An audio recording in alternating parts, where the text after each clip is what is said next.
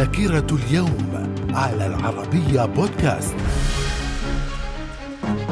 أهلا بكم ومن ذاكرة التاسع والعشرين من أغسطس من العام 1526 وقوع معركة موهاج بين جيش السلطان العثماني سليمان القانوني والجيش المجري بقيادة لويس الثاني وانتهت المعركة بهزيمة الملك لويس الثاني ومقتله مع عدد كبير من رجال دولته. في العام 1914 انتحار القائد العسكري الروسي ألكسندر سمسونوف عقب تعرض قواته لهزيمة ساحقة على يد الألمان في معركة تاننبرغ أثناء الحرب العالمية الأولى. من الذاكرة. من أحداث التاسع والعشرين من أغسطس في العام 1934 أدولف هتلر يبدأ حملة تطهير واسعة في ألمانيا شملت عددا كبيرا من العسكريين والسياسيين الألمان. وفي العام 1966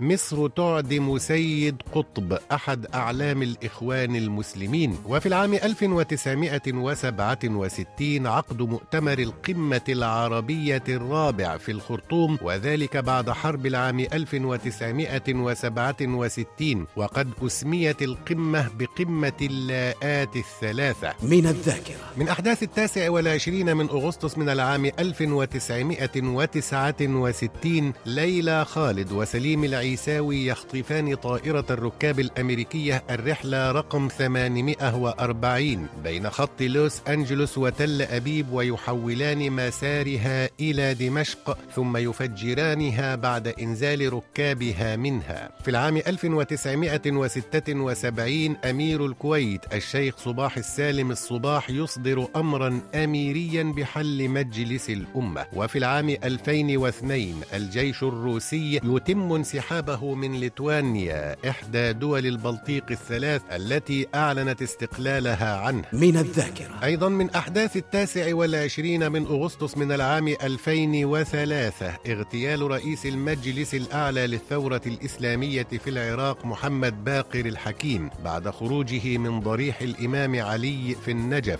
وفي العام 2013 قطر تطلق قمر سهيل سات من قاعدة كورو في مستعمرة جويانا الفرنسية على متن الصاروخ إريان خمسة. من الذاكرة. من مواليد التاسع والعشرين من أغسطس من العام 1632 جون لوك الفيلسوف الإنجليزي.